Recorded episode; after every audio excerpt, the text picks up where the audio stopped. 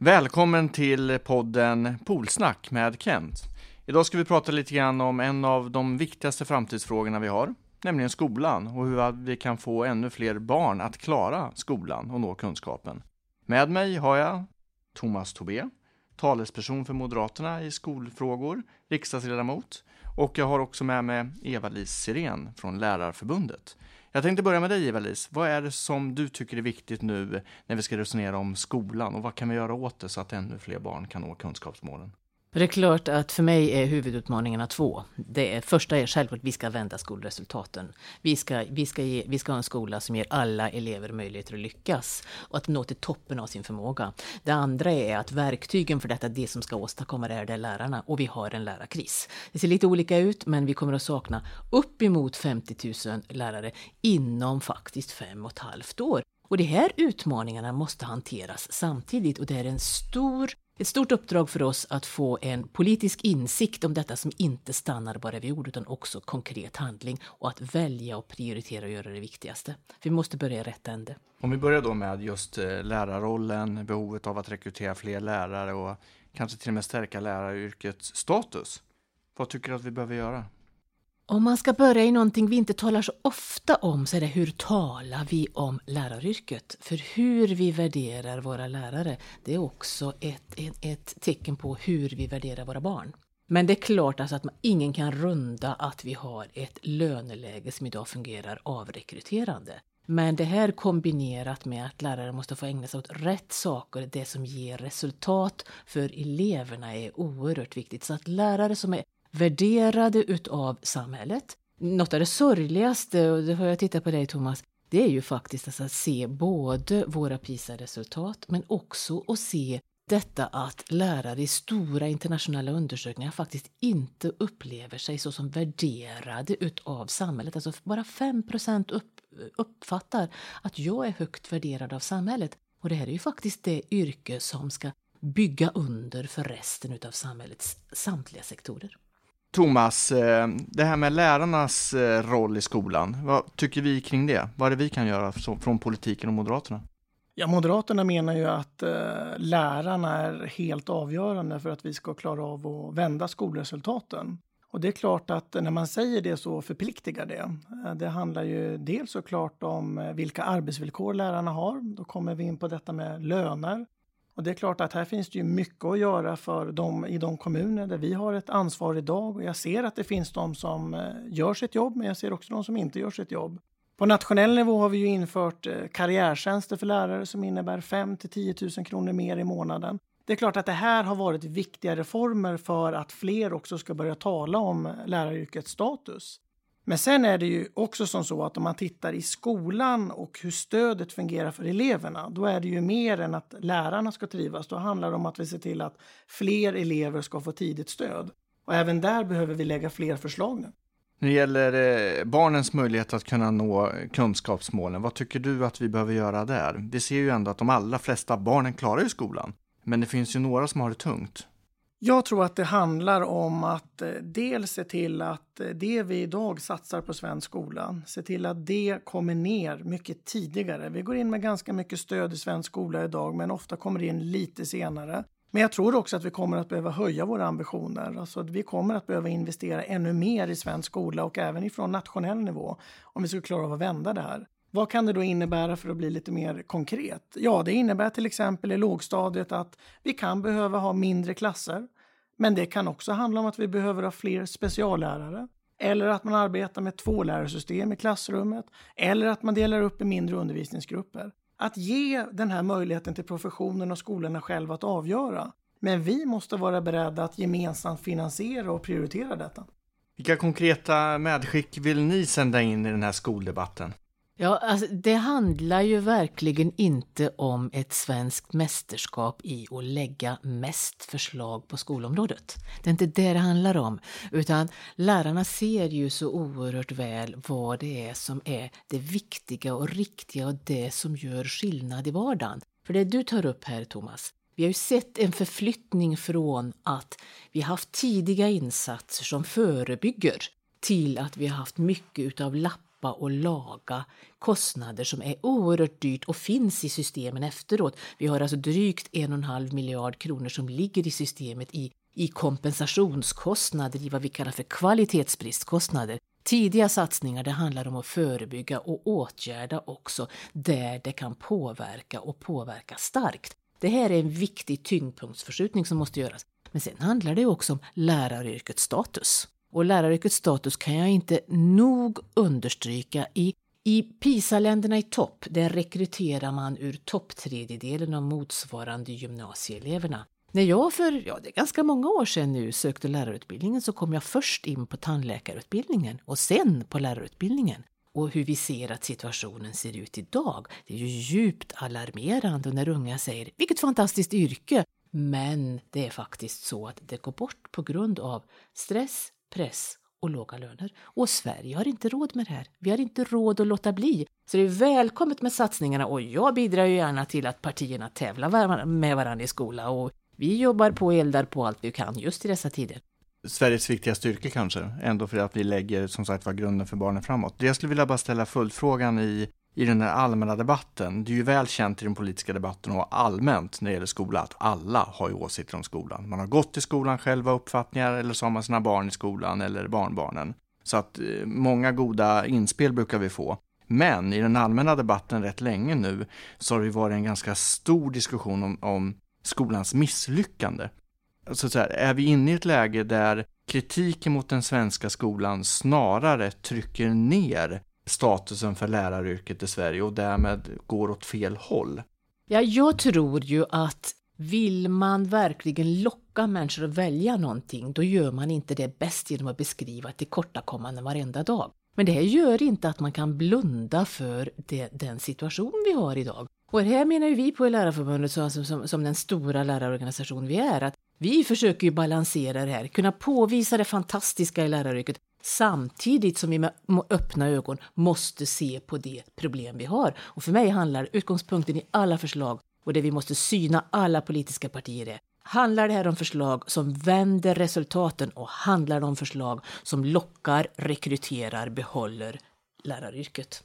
Jag tror ju att eh, attityden till eh, läraryrket, det är ju en generell utmaning i hela samhället. Jag tycker det är rätt intressant när jag pratar med eh, finska kollegor. Och det blir ju lätt som så i, i skolpolitiken att man blickar lite mot grannlandet ändå och funderar på vad de har gjort för att eh, åtminstone ha bättre skolresultat än vi har i Sverige. Och det är klart att på en middag om man sitter och pratar med varandra och man berättar att man är lärare i Finland, ja då möts det ofta med respekt och nyfikenhet. Eh, I Sverige är det på det sättet att en del lärare faktiskt berättar för mig att när man har berättat att man jobbar som lärare så säger alla Men oj, det måste vara tufft. Hur är det? Och det ligger någonting i detta. Och samtidigt så är det klart att jag möter många lärare som tycker att de har ett fantastiskt yrke, som tycker det är fantastiskt att se den här kunskapsutvecklingen hos barnen och ungdomarna. Men det är ju på det sättet att vi är ju i ett läge nu i Sverige där liksom, ja, givetvis lärarkåren är de som kommer att göra jobbet. Men även politiken, det är ju lite kavla upp ärmarna nu. Jag menar, vi fick, tycker jag, i de resultaten som kom med PISA, det var inte en total överraskning, men likväl är det mycket allvarliga resultat. Och då är det på det sättet att nu måste vi arbeta för att vända den här utvecklingen. Och jag upplevde att det kanske fanns någon liten sorgeperiod på ett antal skolor och kanske till och med på en del håll i politiken ett tag. Men ganska snabbt kom man tillbaka till att nej, det här ska vi vända. Och många skolor nu som sätter fokus på att faktiskt försöka förändra situationen. Och det finns ju jättemånga skolor som lyckas med detta. Och de kan lyckas med detta till och med inom det befintliga system vi har idag. Så det går ju att göra saker med de resurser som finns nu också. Och det är klart att vad jag möter, jag är ju väldigt ofta ute och reser och besöker lärare och klassrum och, och förskolor och fritidshem. Och vad jag möter är ju faktiskt att, att många av de lärare som gör storverk i vardagen, det är kanske det som tar mest stryk av den negativa debatten, svartmålningen, som man upplever som oförtjänt, utan att man blundar för problematiken. Så att, och jag vet att tittar vi på ett annat grannland åt ett annat håll, i Norge gjorde man en stor kampanj, heter Gnistkampanjen. Det bestämde man sig för och då gjorde man detta med parterna tillsammans. Man bestämde sig för hur talar vi om läraryrket och där är Sverige nu. Ska vi börja klättringen, vända resultaten, locka fler att bli lärare, då är en viktig ingrediens hur vi tillsammans tar ansvar. Det kan vi titta tillbaka åt det finska hållet också. Man har helt enkelt lärt sig av vad inre slitningar betyder. Så jag säger till, till, partierna, alla partier, kära partier, kom överens nu. Ge oss långsiktiga spelregler, hållbarhet så vi kan ägna kraften åt ungarna, förbättra resultaten. Alltså alla reformer faller platt om det inte är så att vi får fler att bli, bli lärare och vi vet vilka spelregler som, som råder. Och det har vi att lära från Norge och det har vi särskilt att lära från Finland. Du säger det att jag har ju den stora förmånen att få vara ute och besöka skolor precis som ni båda. Och det som ändå slår mig när jag är ute i den svenska skolan är att väldigt ofta så träffar vi ju stolta lärare. Alltså när man får sitta i klassrummet eller i lärarrummet med dem och resonera en stund så finns det en stolthet över yrket. En stolthet över att, att man lägger grunden för svenska barns framtid. Och jag tycker att någonstans så borde vi vara bättre på att lyfta fram den stoltheten och med allt det som vi lyckas med. Sen finns det utmaningar, absolut. Men jag tror, jag tror själv att om vi kan beskriva både det som är bra och framgångsrikt, då kommer det också bli lättare att eh, gemensamt klara av utmaningarna. Och det är klart att där vill ju vi, som jag började med, att debatten ska handla om rätt saker. Och lyssnar vi till PISA, lyssnar vi till OECD vad de säger, det är inte de jättestora omorganisationerna som kommer att vända svensk skola, utan det är ju det som händer i mötet mellan lärare och elever. Och, och, och i det här så hör ju jag hur politiken gärna kliver in i detta där man passerar en rågång. Alltså, kära politiker, bygg förutsättningar för oss att göra jobbet. Men tala inte om för oss vid vilken möbel och vare sig det är framför eller bakom dessa möbler vi ska stå. Och någonstans alltså lita på professionen i det och bygg förutsättningar. En stark lärarutbildning, se till att vi har möjligheter att ge särskilt stöd. Skolan har ett stort ansvar, men allt ansvar är inte lärarnas utan vi behöver också kompletterande kompetenser runt omkring det här som gör att vi kan vara vassa i det som är vår huvuduppgift, kärnuppdraget. Jag, jag, delar ju bilden av att det som kommer att vända resultaten i, i svensk skola är inte någon stor omorganisation utan det ska vara mycket fokus på det som sker i klassrummet och förutsättningarna eh, kring detta. Och jag tycker också att det kan finnas anledning för alla politiker att ibland vara självkritiska. Jag tror att även vi i Alliansen har lagt på lärarkåren en del administration eh, och det har vi gemensamt konstaterat att ja, även om det fanns god vilja bakom mycket av det så blir det för mycket och då får man backa tillbaka. Och det samma gäller ju många andra tidigare regeringar som har lagt på mycket administration på lärarkåren och det är ju inne lite grann i det här samspelet, samspelet kring hur mycket vågar man lita eh, på professionen. Men en fråga som jag är... Eh, ja, jag känner mig ändå att jag tycker att det finns goda förutsättningar nu. Det är ju ändå att jag ser ju att det börjar dra ihop sig lite grann även inom politiken. Nu ska vi snart ha ett val och det är klart att jag tycker att man ska välja Alliansen. Då vet man att de reformer som finns nu, de kommer att ligga fast. Huvudfokus kommer handla nu om att fortsätta bygga på detta med mindre klasser, mer karriärtjänstlärare, mer undervisningstid, tidig skolstart. Men jag ser ju också att vi har allt mer av samsyn i svensk skolpolitik och det tror jag är någonting som man kan bygga vidare på också efter valdagen. Den politiska klåfingrigheten, har den minskat eller ökat de sista åren?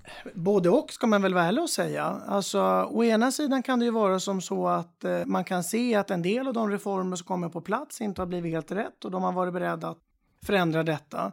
Men sen är det klart att vi är i ett klimat just nu där väldigt många eh, väljare vill ha besked om skolan och då kan det väl hända att både en och annan politiker kan bli fångad av ett, av ett förslag. Men jag tror att jag känner mig ändå väldigt trygg i de förslag som Moderaterna har drivit nu. Jag känner att vi kommer att få med i Alliansens valmanifest detta med mycket mer av tidigt stöd som jag tror är helt centralt. Stora satsningar på läraryrket och att vi också får mer av lärarledd undervisningstid. Det har ju varit prioriteringar från Moderaterna och i det förnyelsearbete vi har haft och jag känner mig trygg med att vi också kommer att ha med oss våra alliansvänner på detta.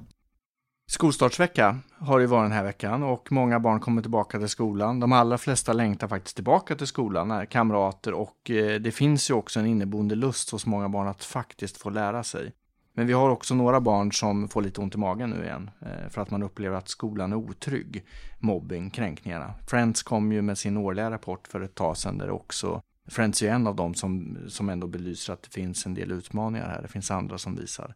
Sammantaget ändå, det är lite för många barn som har, har, känner oro i skolan och skolstarten och i miljön. Tycker du att vi jobbar tillräckligt med tryggheten i skolan eller vad kan vi göra mer?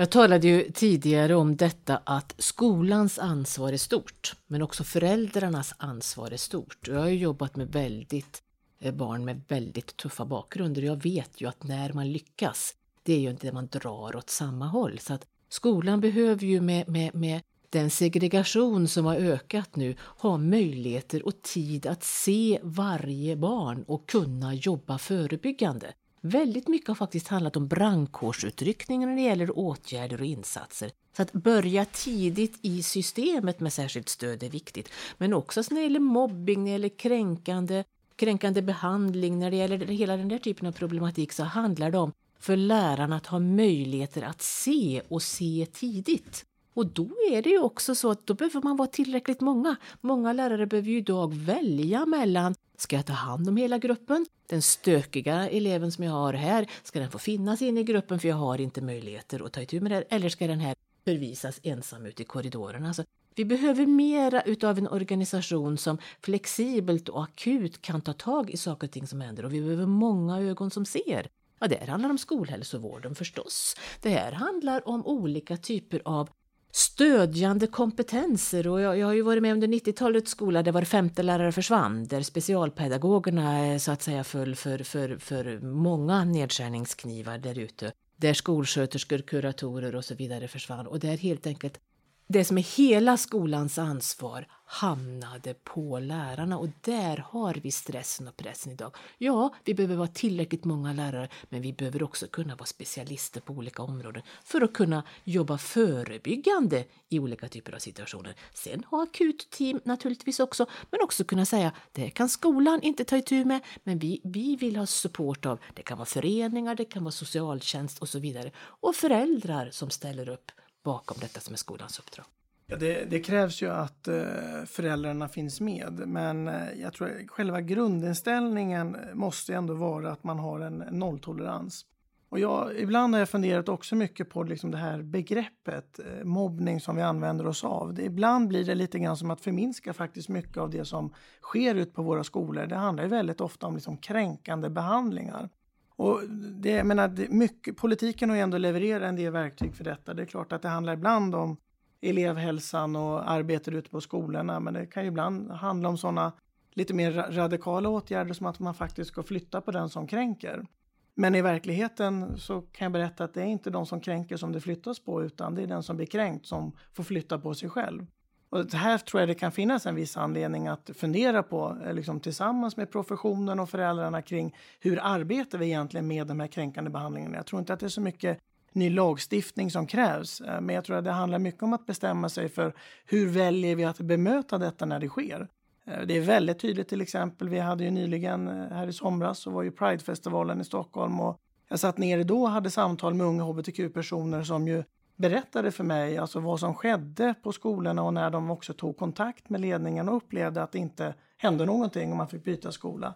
Det är klart att så kan vi inte ha det. Det handlar om ledarskap, det handlar också om, tror jag, vuxenvärlden måste stå upp för detta gemensamt. Och som sagt var, det är inte bara lärarna som ska bära detta, utan det är all personal på skolan, men det måste också ske i bred samverkan med det civila samhället och föräldrar. Och det är klart att det här är, det vet vi alla, det är klart att det är tuffa frågor.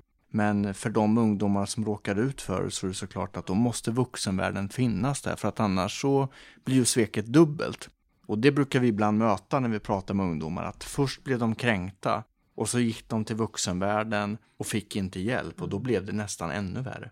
Ja, och, och, här sätter vi ju fingret på någonting som är oerhört viktigt om vi vill ha en kunskapsskola. Och det här börjar i att kunna vara trygg i den miljö du är i. Och då eh, brukar jag säga det vi möter i många eh, internationella sammanhang, vi diskuterar ofta med PISA-generalen Schleicher och så vidare, att, att läraryrket i Sverige, det måste gå från att vara ett ensamarbete till ett tillsammansarbete för att kunna jobba med gemensamma normer, alltså helt enkelt ta itu med saker utifrån att så här vill vi ha det på vår arbetsplats och skolan är ju Sveriges största arbetsplats. Det kräver väldigt mycket av gemensamma normer, kunna ta itu med saker och ting. Och det handlar om nolltolerans, ja.